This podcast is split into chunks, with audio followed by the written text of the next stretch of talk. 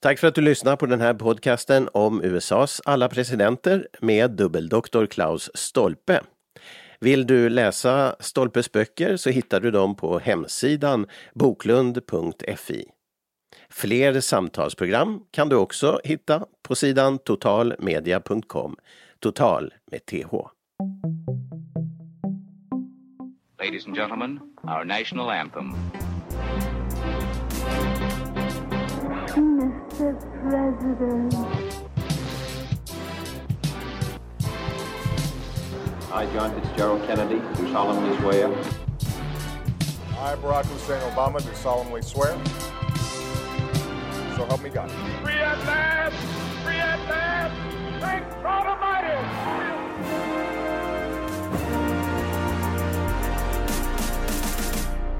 Välkomna till den här podcasten Mr President. Och idag så ska vi komma fram till den tolfte presidenten, Zachary Taylor. Med oss som vanligt så är vår presidentexpert Klaus Stolpe, välkommen med. Tusen tack, tusen tack.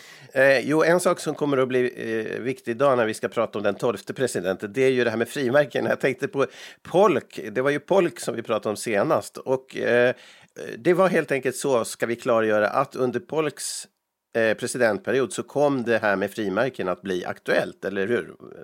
Mm, ja, det är, ju, det, är alltså, det är ju en sån här mer udda grej från hans presidentperiod att han är ju mera känd för att USA blev dubbelt större. Ja, mexikanska kriget. Ja. Ja, precis.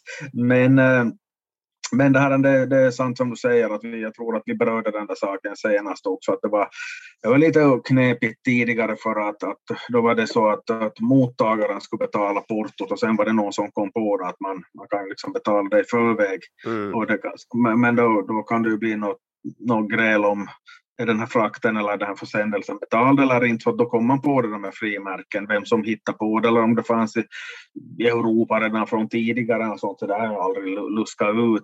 Men vad har det då för koppling till, till den här Taylor? Det, det, det har alltså en hel del, eller hel del, men att den här Zachary Taylor då, som blev, blev president eh, 1848 så, så att eh, Alltså det här med frimärken var ju ingen självklarhet så att, att, eh, att då, de, de, man från Whigs sida, alltså hans partis sida, skulle skicka ett meddelande, ett brev åt honom att han hade blivit utsedd till deras, till deras presidentkandidat, så hade man skickat utan frimärken så att mottagaren skulle betala, port, betala den försändelsen. Men att Taylor hade anammat den här idén med, med, med frimärken så han vägrade ta, ta emot sånt som inte var betalt innan. Så att det där brevet blev ju liggande innan han fick, Okej. jag vet inte om han fick ett rekommenderat brev då sen eller med, med frimärken på eller sånt. Jag vet inte heller hur länge det, det dröjde men att det, de, de hade väl väntat sig något svar då att tack jag rörde över nomineringen eller någonting. Så att ingenting hände ju. Sen visade det sig att Kahn hade ju inte tagit emot brevet som är-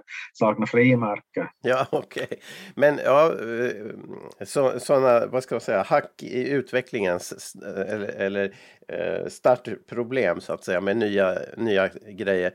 Men han försökte envist hålla fast vid det, eller inför, att det, han accepterade bara det nya så att säga. Det var så. Ja, ja, precis. Och i och för sig, sånt här så, eh, det är ju sånt som inte kanske nu det här viktigaste om man läser om en president det annars, men att det är ju liksom det också som är fördelen med den här serien, eller hoppas jag i alla fall, Mm. fördelen med den här serien vi har, att, att liksom det kommer sånt där på köpet, att man, man lär sig om Så det blir, ju en, det blir ju en spegel av sin tid samtidigt helt enkelt. Det handlar ju inte enbart om tunga politiska beslut eller något sånt, utan att brev kan bli liggande helt enkelt för att det är inte självklart det där med att man ska använda frimärken eller inte. Nej, nej, och vi har ju haft flera intressanta eh, liksom personlig, personliga saker som du har tagit upp under de här, de här första avsnitten. Och eh, de här morgon eller baderna, presidenten som gick och simmade där och förlorade sina kläder. Ja, ja.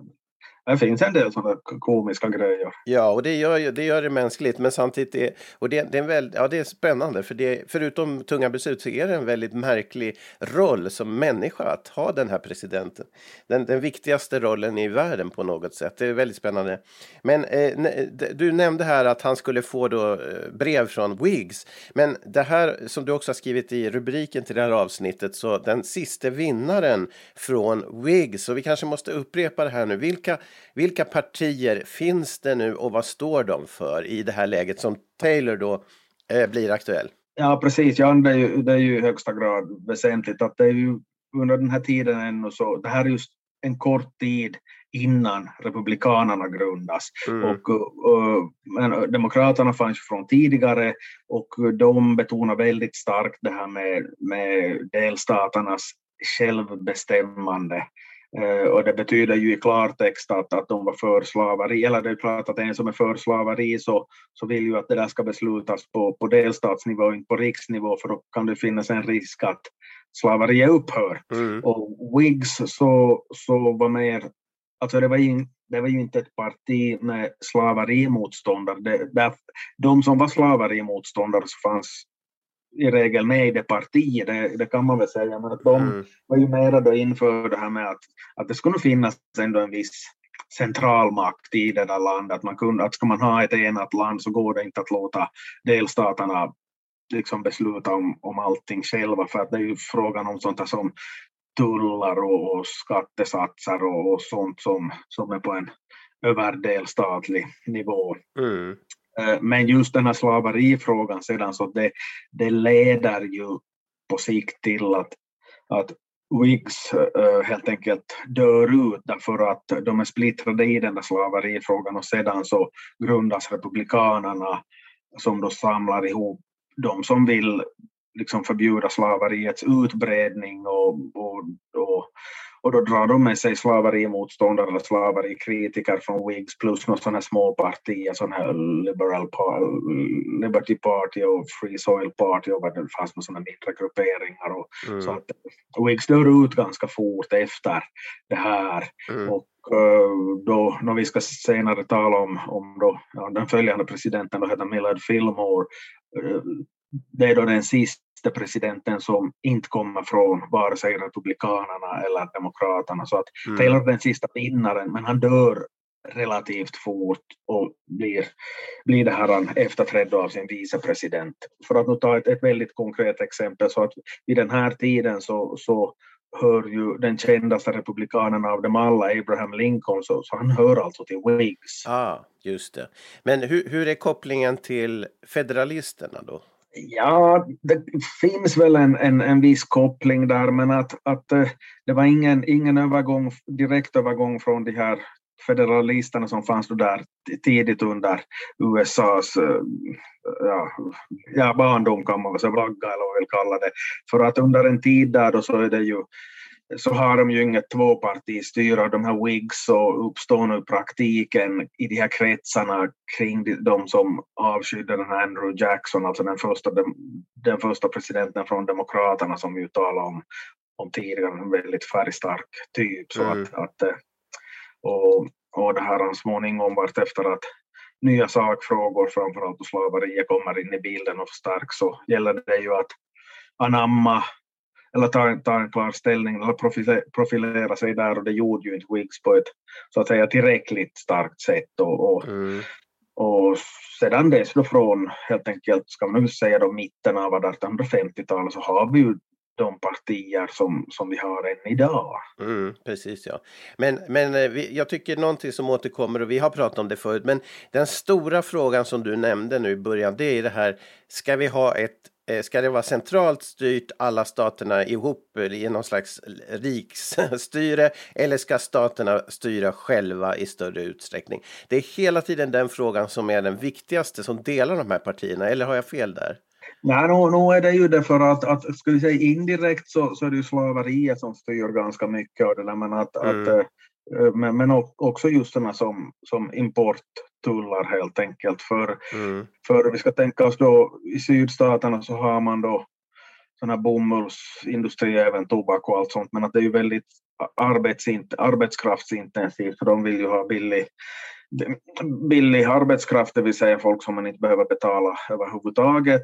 Men sen så vill de ju också ha frihandel för att det är ju, bomullen ska ju säljas någonstans, det vill, så att de är ju beroende av en fungerande export och då vill de ju inte ha, ha höga tullar. Men i norr då, som håller på att industrialiseras mer och mer så, så är det ju många som vill, vill ha höga importtullar för att, att helt enkelt skydda den egna industrin så att de, att eh, de här delarna av USA så glider ifrån varandra väldigt, väldigt ordentligt därefter, eh, där kring mitten av 1800-talet. Mm. Och då ska vi också komma ihåg att, att det är krig mot Mexiko 1846 till 1848 Mm. var USA blir jättemycket större helt enkelt. Det är ju så att de nappar ju åt sig 55 procent av Mexikos territorium och Mm.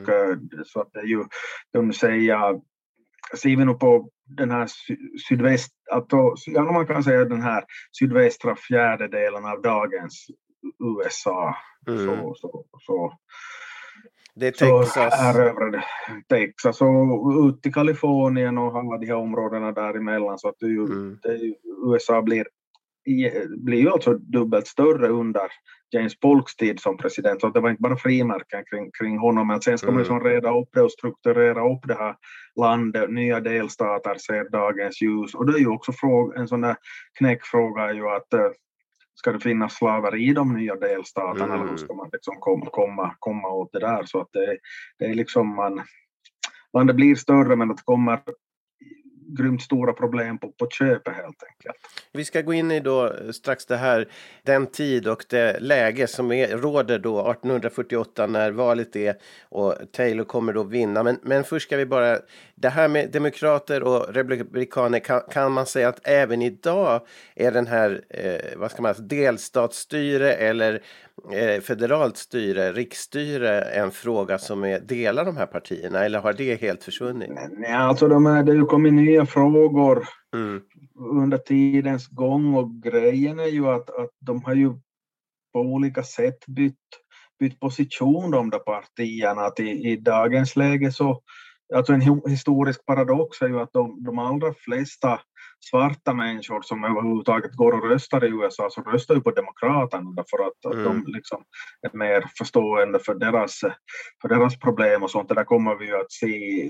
Det går ju inte över en natt det där heller utan det är ju det är ju det här under den depressionen på 30-talet så, Mm. så med Franklin D. Roosevelt så, så då glider ju, glider ju Demokraterna i en mer, ska man kalla det vänsterriktning eller liberal riktning och sen förstärks det under 60-talet med Lyndon B. Johnson, också han då demokrat som, som eh, liksom vill bygga bort slummen och förbättra skolor och allt. Alltså sådana åtgärder som då rätt långt gynnar färgade eftersom de nu i, i regel har det sämre ställt än de, än de vita. Så att, att eh, de, helt- de, de här partierna helt enkelt anpassat sig vartefter Mm. för att, inte, för att inte göra samma misstag som Whigs, det vill säga att släppa in helt nya aktörer på, på den politiska spelplanen. Det är en dramatisk utveckling på ett vis, en egen dramaturgi, de här partierna. det, det, det är det helt klart. Det är det helt klart för att, att jag menar om, om Demokraterna framstår som det långt mer, ska vi kalla det värdekonservativa partiet då på då vid den här tiden då, då där vi kring tiden kring eh, inbördeskriget helt enkelt så är det ju raka motsatsen idag. Mm. Eh, Demokraterna dominerar ju väldigt stort i sydstaterna förr och idag är det ju republikanerna som, som, som dominerar de flesta delstater där och det blir som en sensation då en demokrat vinner presidentvalet i Georgia och dessutom båda senatorerna kommer från Georgia så som var fallet senast till exempel. Ja, ja i, modern, I modern tid har det ju inte sett ut på det viset. Nej, nej, precis. Nå, åter till den tolfte presidenten. Zachary Taylor, alltså född 1784 och eh, avlider sen mitt i presidentperioden 1850. Vad är det för en person som blir nominerad då 1848, ovetande som nomineringen först, när han inte vill läsa sina brev. Men sen till slut så blir han då president. Vad är han för en? Hörru, det är ju en, en, en general, framgångsrik sådan, från, från det här kriget mot Mexiko. Och, eh, och är han blir som en slags, ska vi kalla det nationalhjälte i samband med kändis. Om man, I den mån man kan tala om kändisar på den där tiden. Mm. Och eh, han var väldigt sådär barsk, oborstad och så vidare. Han kallades för Old Rough and Ready. Det, vad ska vi kalla det?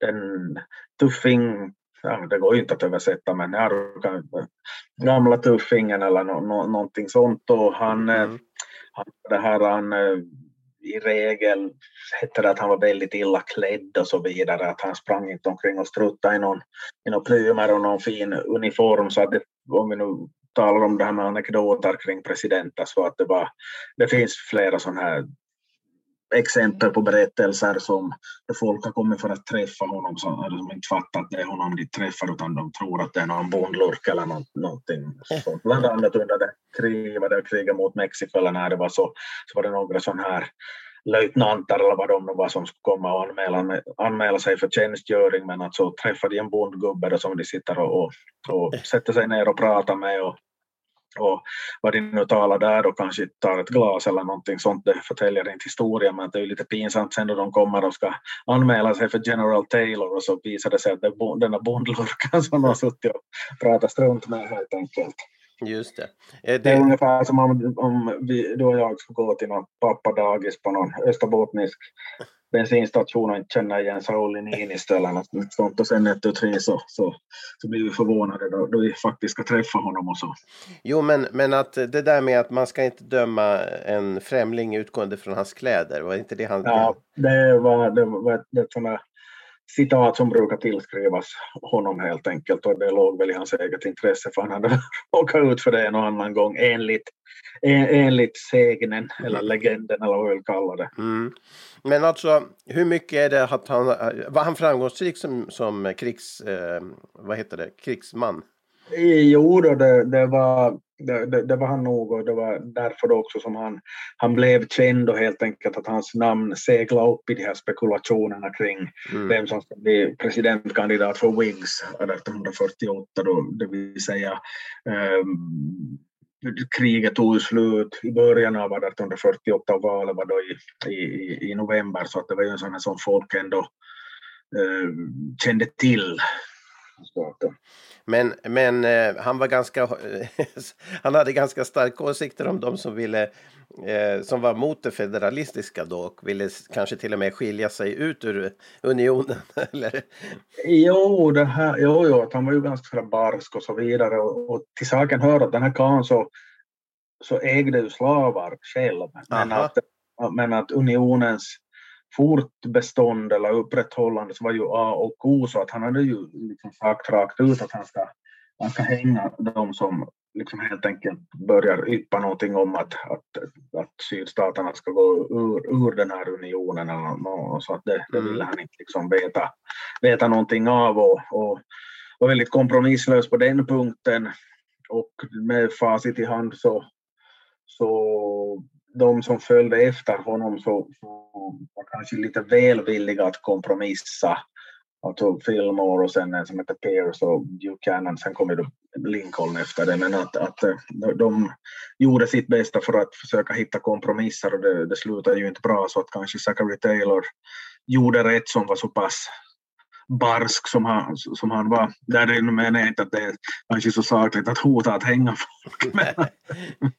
Men, men, men ändå, han, han, han, han eh, satte ner foten kan man ju säga, milt, milt sagt. Men så att det var inte bara fråga om delstaterna skulle ha mer bestämmande rätt utan det var faktiskt så att slavfrågan eh, påverkade så att, att man, man eh, tänkte sig till och med gå ur unionen redan i det här skedet. Fanns det sådana? Jo, det, jo, det var det nog därför att det har att göra med att, att, att, eh, att USA blev så mycket större efter, efter det där kriget mot Mexiko. Mm. Och då, de här nya områdena så, de var ju inte delstater då ännu utan de var ju inte organiserade på det viset utan de var ju så kallade territorier. Mm. Men att på sikt så skulle de där omvandlas till delstater och då var ju frågan att, att eh, hur gör vi med slaveriet i de nya delstaterna? Mm. Och det fanns då en gammal kompromiss som låg tillbaka i tiden ända till 1820, eller ja, det är ju bara, typ, ett, det är bara några årtionden tidigare, att, att ovanför en viss breddgrad så ska det inte finnas slaveri, men att det var då inte självklart utan en del tyckte då att man ska man i de nya områdena själva ska få, få bestäm, besluta om i de nya delstaterna att ska vi ha slaveri i den här nya delstaten eller ska vi inte ha det och, och det där så, så var det en sån fråga som helt enkelt ska vi säga, växte av sin egen tyngd på något vis också. Mm. Just det. Men, nu, vill jag kanske, nu vill jag understryka ett sådant vanligt missförstånd att, att ännu vid den här tiden så var det ju i regel inte så att, att, att opinionen i Norva ville totalförbjuda slaveri utan det handlar ju om att, det handlar ju om att, att huruvida det skulle spridas till de nya delstaterna, att, att, att det var väldigt få som gick så långt som att, att, att kräva att det skulle förbjudas i de områden där, där, de, där det redan fanns. Just det, okej. Okay. Mm. Så att samma, samma gällde ju Lincoln, då, då han, om, om jag nu går händelserna lite i förväg, att, att han, han var ju villig bara för att hålla ihop unionen att, att till och med lägga i ett ett tillägg till konstitutionen att säkerställa att man inte skulle förbjuda slaveri i de delstater där det hade funnits från förr. Ja, precis. Det, det läser man inte om i skolans historiebok utan, mm. utan där framställs det som att Lincoln skulle befria slavarna till, till vilket pris som helst. Nej, och det, är, det är ju förstås en förhandlingsfråga när det är så stark eh, fråga Just Exakt. i dåtiden, att det är ju diplomati jo, jo. också där bakom. Jo, jo, för att tanken var väl i och för sig från Lincoln och andra att så småningom kommer det väl att dö ut i alla fall det där med slaveri eftersom det var på väg att försvinna i andra länder också. Mm, precis, ja. Men det här med ladubrännare eller lad, ladbrännare säger vi i Sverige. Ladubrännare, ja. vad, vad är det för någonting då? Barnburners? Barnburners, det är helt enkelt så att, att äh, även bland äh, Demokraterna så fanns det då en del som, som ville få bort slaveriet. Mm. Och, eh, och de, de som var slaverimotståndare inom, inom Demokraterna så kallades för barnburners, alltså det syftade på att man är villig att bränna ner ladan för att bli av med råttorna helt enkelt. Att förstöra partiet bara för att, eller bara förstår vad jag menar. Mm. För att få bort slav eller begränsa slaveriet.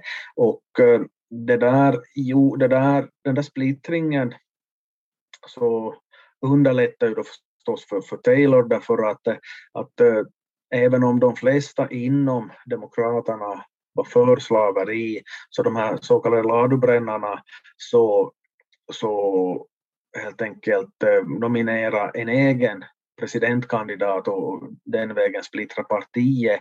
Och det var ingen by, vilken byfåne som helst utan det var en ex-president, Martin Van Buren, USAs åttonde president som vi talade om tidigare drog en parallell till den här tv-serien Seinfeld men det ska vi inte repetera här utan folk får höra på tidigare avsnitt. Men har en koppling till en 90-talskomedi på tv men att den här Van Buren så, så helt enkelt eh, ställde upp i det där valet och, och han var ju chanslös men, men han fick ju ändå 10 procent av rösterna och då är ju frågan att, eh, att eh, vem skulle de där ha röstat på?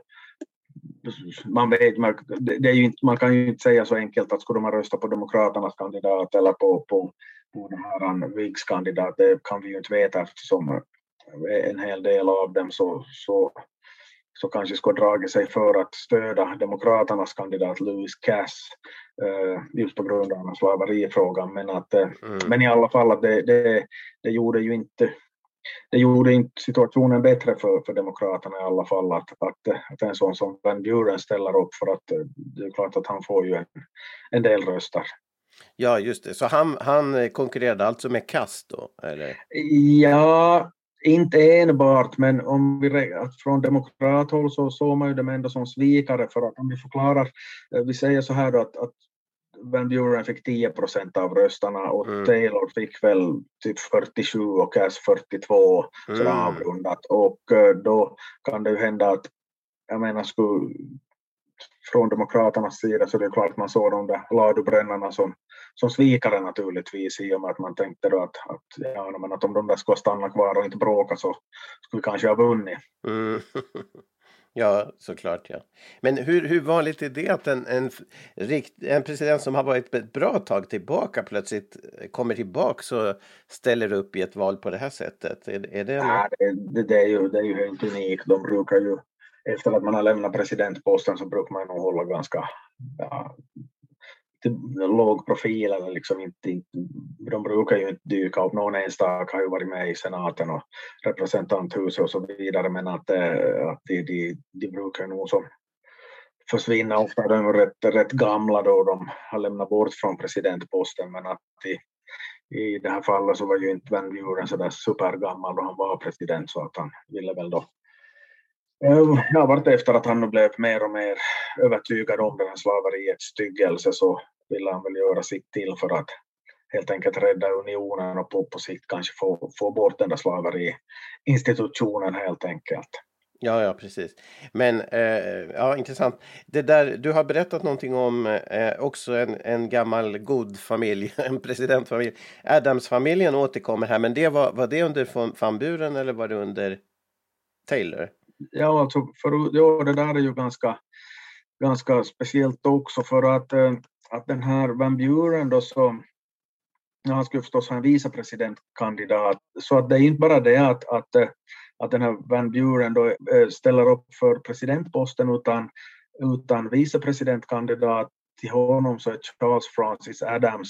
Och det är alltså sonen till, till John Quincy Adams och sonson till John Adams. Så att, eh, Mm. att, eh, att det är ju då pappa och farfar har varit presidenter helt enkelt och vi säger nu då bara för teoretiskt exempel att Van Buren skulle ha avlidit och, och eller vi säger att Van Buren skulle ha vunnit och här avlidit så skulle vi ha fått, fått en verklig dynasti här med, med tre, tre presidenter från samma familj rakt nedstigande led. Mm. Och eh, de här så, de st- Van Buren och, och Adams så, Adams den tredje då, eller något sånt, så Ja. ställde upp för Free Soil Party, alltså partiet för fri jord. Och Ah. då, då kan man ju förstå då att det handlar ju inte om att dela ut jord nödvändigtvis, utan att det ska vara en jord där, där den som bor där är fri helt enkelt. Mm. Och det där är en av ingredienserna sedan i det som blir Republikanerna bara några år efteråt. Så att det här, det här Free Soil Party så grundas helt enkelt i anslutning till det här presidentvalet. Det är inte något som har funnits tidigare, utan det är de här ladubrännarna helt enkelt som grundar det där, det där partiet och sedan då så uppgår det i Republikanerna tillsammans med en hel del människor från Whigs och, och något annat sånt här litet antislaveriparti.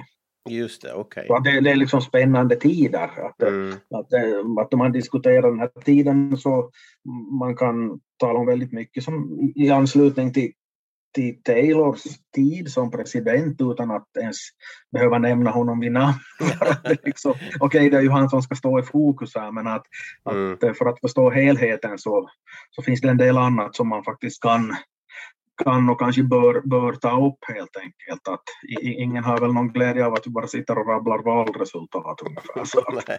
Men det här är alltså vilda västern föds och det är massor av eh, frågor om nya staterna och det eh, det här med slaveriet och allting som står på sin spets och det, det, är tort att det, det hopar sig och snart kommer ju ett krig också, ett inbördeskrig. Men här, eh, du nämnde förut att valet 1848, detta revolutionens år annars i Europa, så är då eh, i november och det var något speciellt med det här att man det året eh, hade det där av vissa olika skäl för att samla hela, eh, vad ska jag säga, hela USA samtidigt. Jo, det här är väl ett, ett bra exempel på, tror jag, att, eh, att kommunikationer och allt sånt där blir bättre och man har kanske lite bättre koll på vad som händer på andra ställen än där man själv bor. Därför att det här är första gången som alla delstater håller val samtidigt, för att det var inte så noga tidigare, utan det fanns, det var, nu var det ju ingalunda så att några höll det på våren och andra på sommaren och någon på hösten, men att, Mm. att, att det var en viss spridning på det.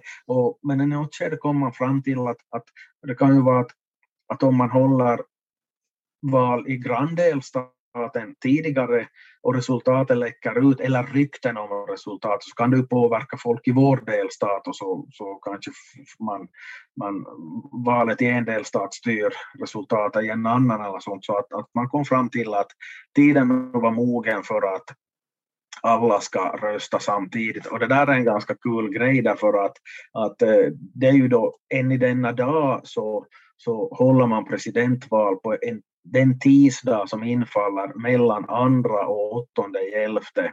Och det där kan ju låta lite konstigt. De flesta andra röstar på en söndag till exempel. Mm. Men det, det, det, alltså det är ganska kul, kul bakgrund till att man väljer just det där datumet för att, att tidigare på året så, så har ju folk fullt upp med jordbruk och, och, och sånt där, så det är ju inte riktigt praktiskt. Mm. Och har man det för sent på året så kan det ju vara snöstorm i, i de här nordligare delstaterna så att uh, folk kan, inte kan ta sig till vallokalen. Och då kommer man fram till att början av november är det som ni i Sverige brukar kalla för lagom. Ja. Och, uh, men att det passar ju inte sig på en söndag naturligtvis för att då ska man ju förstås gå i kyrkan och helga vilodagen och det där. Mm. Mån, måndag är ju inte heller så passligt för då kanske taket har blåst av ladan på söndagen så man har fullt upp att fix, fixa det som har blivit ogjort. Ah. Så då blir ju en ti, ti, tisdag, ti, tisdag också bra. Mm. Men tisdag är början av november. Men då är det också det att man kan inte, man kan inte bara besluta att det är den första tisdagen i, i november, för då kan det ju faktiskt, då, eller var sjunde gång så skulle det infalla första november och då var det väl lönedag för de federalt anställda så att då var det opraktiskt. Så att helt enkelt av uteslutningsmetod kan man väl säga så kom man fram till att den tisdag som infaller mellan 8 november, eller förstås ah, förlåt, 2 november och 8 november, så är helt enkelt perfekt. Men det lustiga är ju att, att, att man har inte kommit sig för att ändra på den där saken, utan jag, jag tror ju inte att speciellt många amerikaner vet varför det är just den där, Nej. den, den, den där dagen, utan det har liksom bara blivit så. Mm, just det. Och det är, det en arbetsdag eller är det en ledig dag i USA? Nej, nu, är det, nu, nu, nu jobbar de väl nog. Ja. Aldrig, det kommer jag inte ihåg hur det var, men för att, att det är nog påtalat så att den kan vara ganska opraktisk. ja, det kan ju där- påverka röstdeltagandet. Jag vet inte om det har gjorts Jo, några jo, jo, jo. Men... Jo, jo, jo, precis. Visserligen så finns det ju möjligheter till förhandsröstning, men Mm. de möjligheterna dessutom ganska kringskurna i vissa delstater och sen är det mer så där strömlinjeformat Mm. på, på annat håll. Så att det är vissa sådana saker som, som vi tar för givet så att det ska ju bara vara så, så det är inte lika, lika, lika givet i, i USA utan det kan vara att, att det kan vara väldigt opraktiskt att förhandsrösta om det finns väldigt få, få ställen att förhandsrösta på så kan det ju vara helt enorma, enorma köer. Mm. Så, Ja. och alternativ, alternativet då att ta ledigt från jobb eller, eller hur man nu gör. Så att det, det, det är ju inte riktigt, det är ju inte en praktisk lösning idag helt enkelt. Men, Mm. men det är nog att traditionens makt är stor så att inte, inte ännu heller tycker jag varit med om att det skulle ha varit någon större diskussion om att man skulle ändra det heller inte. Nej, nej, precis. Nej, det, det verkar, verkar rulla på och inte många vet varför det blev så. Men eh, det är klart det är en tradition som USA är väldigt mån om sina traditioner. Så. Ja, de, de ändrar inte saker och ting så, så fort att redan det där valsystemet så skulle vi kunna, skulle kunna, hålla, skulle kunna ha ett eget poddavsnitt om för att det är ju ganska, det är, det är ju ganska besynnerligt egentligen. Så. Ja, precis. Ja, det får vi nog nästan göra sen när det kommer in på modernare tider, för det är ju väldigt spännande. Men eh, eh, Taylor då, han, eh, är han den sista som är född på 1700-talet av presidenterna egentligen? Uh, ja, nej, det var väl så att den där Buchanan som kommer långt senare så, eller långt och långt, men, men Det är han som är jag tror- sist, ja. jag, tror- jag tror det. Att nu, nu kommer jag inte ihåg, ihåg utan till men att jag är väl Mm, jo, det säger Jag, du blir- här. jag, jag, jag blir osäker. Jo, jo ja, nej, jag är nog ganska säker på det. För att sedan Lincoln så är ju, är ju nog född en bit in på, på 1800-talet. Jag tror att det var så att Lincoln är född eh, ungefär samtidigt som Finland började höra till Ryssland, alltså, alltså där kring 1808 eller Ja, just det. 1809. Men att, att den här Buchanan som var född var född här han eh, 1791 så att han är ju, han är ju det här han, är inte han ju jättegammal men han är ju, ja, han är ju, han är ju en bit över 60 vilket ju är på den tiden en, en, en hög ålder men att, eh, Mm, att eh, som sagt var att den här Fillmore så är ju född en bit in på 1800-talet men att, att Taylor så är ju då också, också det här han född på 1700-talet men in, inte den allra sista faktiskt. nej, det är han inte. Men han är, han är ju född där i kring eh, inbördeskrig och sådant i den tiden i alla fall. Ehm, och, men Taylor då, han, han är däremot inte så länge på sin post som du nämnde, utan han avlider. Alltså vad är orsaken till det nu då? 1850? Eh, Jo, det är nämligen så att, att eh, på, det är faktiskt på han dör inte på nationaldagen men han råkar ut för matförgiftning på, på, på, på nationaldagen och eh, Mhm. och om, om det är efter, efter något sådant firande så, så går han och sätter sig ner och äter något, är det något körsbär eller jordgubbar eller, eller vad, vad det nu är och dricker någon, någon mjölk och så får han, alltså blir han, blir han sjuk så han dör en, en tid efteråt. Och, eh, och det här det är faktiskt så att det, det ryktades ju då att han skulle ha blivit förgiftad. Ja, just det. Eh, så, så, att, men, så att man hade faktiskt för inte så otroligt många år sedan, jag kommer inte ihåg när, men att man alltså öppnade hans grav och kollade kvarlevorna för att se om det skulle finnas någon arsenik eller något, sånt där, men att det, alltså det fanns ingenting sånt, så att det finns, finns ing, ingenting som, som liksom skulle ha indikerat det där. Inte att, Mm. men att han är ju han är född 1784, så att han, han är ju då en vad blir det då, han är ju en bit över, över 60 då, då han blir, blir vald, vilket då är en Mm. aktningsvärd ålder, men att han är född helt enkelt en, ja, nu, strax efter att britterna kastade in handduken helt enkelt. Mm, just det. Så ja, i den där frihetstiden, precis. Ja, frihetsrörelsen. Precis. Så, men det här med att han avled då, vi, vi har ju pratat tidigare om den här indianförbannelsen. Ja, det är så att, eh, att de som är, är det här eh, valda på, en, på, en, på ett årtal som slutar på en nolla så ska dö innan de, innan de lämnar presidentposten. No, Taylor är ju då bevisligen inte vald på ett sånt år. Men, men att han är den enda av de som dör under sin mandatperiod som, som, är, som inte är vald på ett, ett årtal som slutar på en, en nolla. Jaså, jaha. Eh, För att vi har, om vi nu repeterar, så det är den här första eh, presidenten från Whigs, då, William Harrison, som dör. Han blir vald 1840 och dör efter en månad. Och sen har vi Lincoln som blir vald 1860 och Mm. omvald 64 och blir skjuten. 65 1880 så vinner Garfield och blir skjuten ganska fort. Ja, just. 1900 så har vi en som heter William McKinley som hade blivit vald 1896 också men blir omvald. 1900 han blir också skjuten. Sedan har vi Warren Harding 1920 som dör i en hjärtattack 23. Sen har vi då Roosevelt som blir vald 32, 36, 40 och 44 men, men dör då kort tid efter han blivit vald. Och sen har vi då Kennedy och sen så avslutas bryts det hela av Ronald Reagan. Han blir ju visserligen utsatt för ett mordförsök men att det, det lyckas ju inte. Så att det, men att ut, utöver de som är i den, den här serien så, så är det då Taylor som är undantaget. Som har då- avlidit fast inte Ja, som- vald på ett nolltal. ja, Ja. precis. Mm, okej. Så att eh, ska jag nu lägga till något så, så det där handlar ju uttryckligen om att bli vald.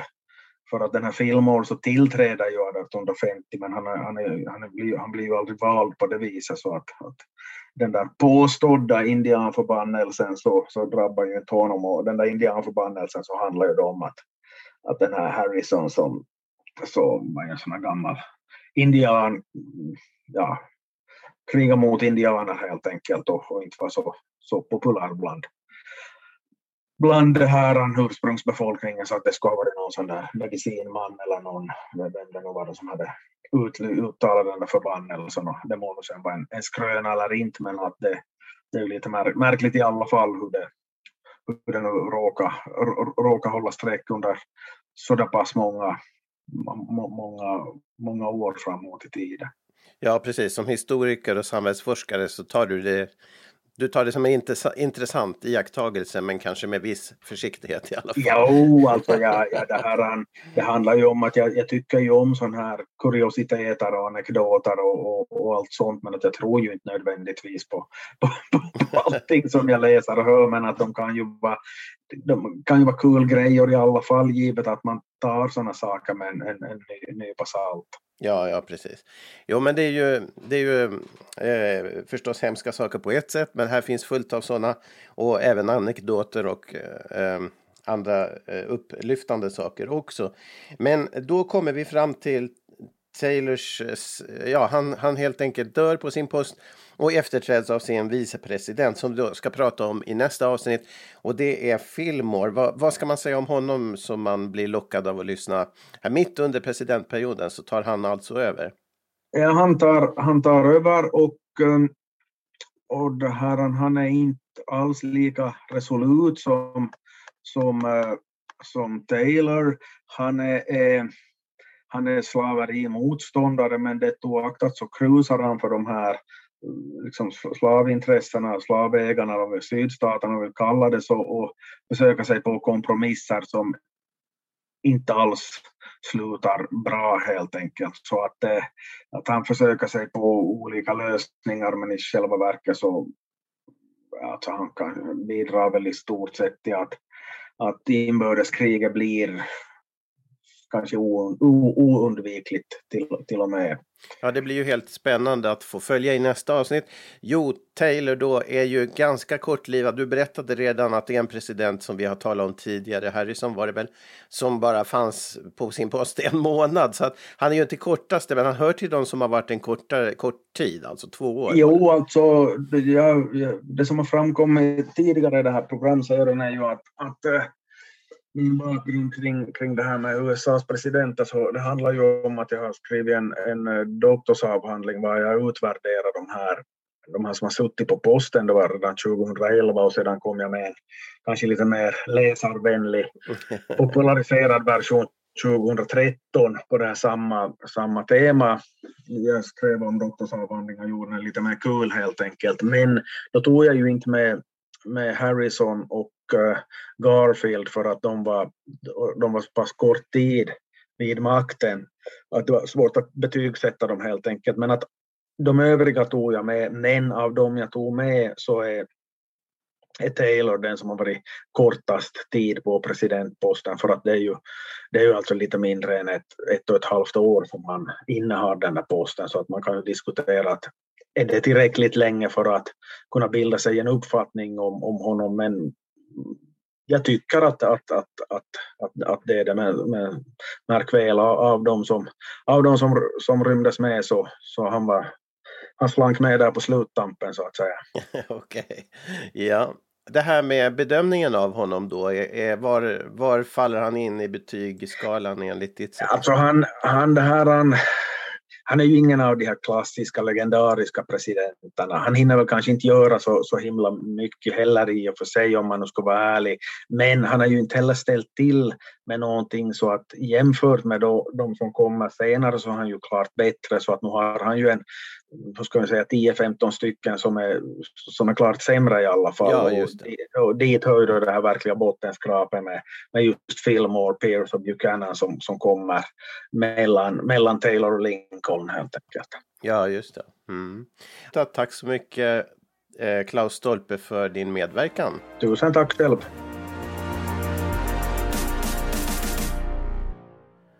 Du har lyssnat på podcasten Mr President och du kan hitta fler avsnitt och andra samtalsprogram på sidan totalmedia.com. Vill du läsa Klaus Stolpes böcker om USA och presidenter så hittar du dem på sidan boklund.fi.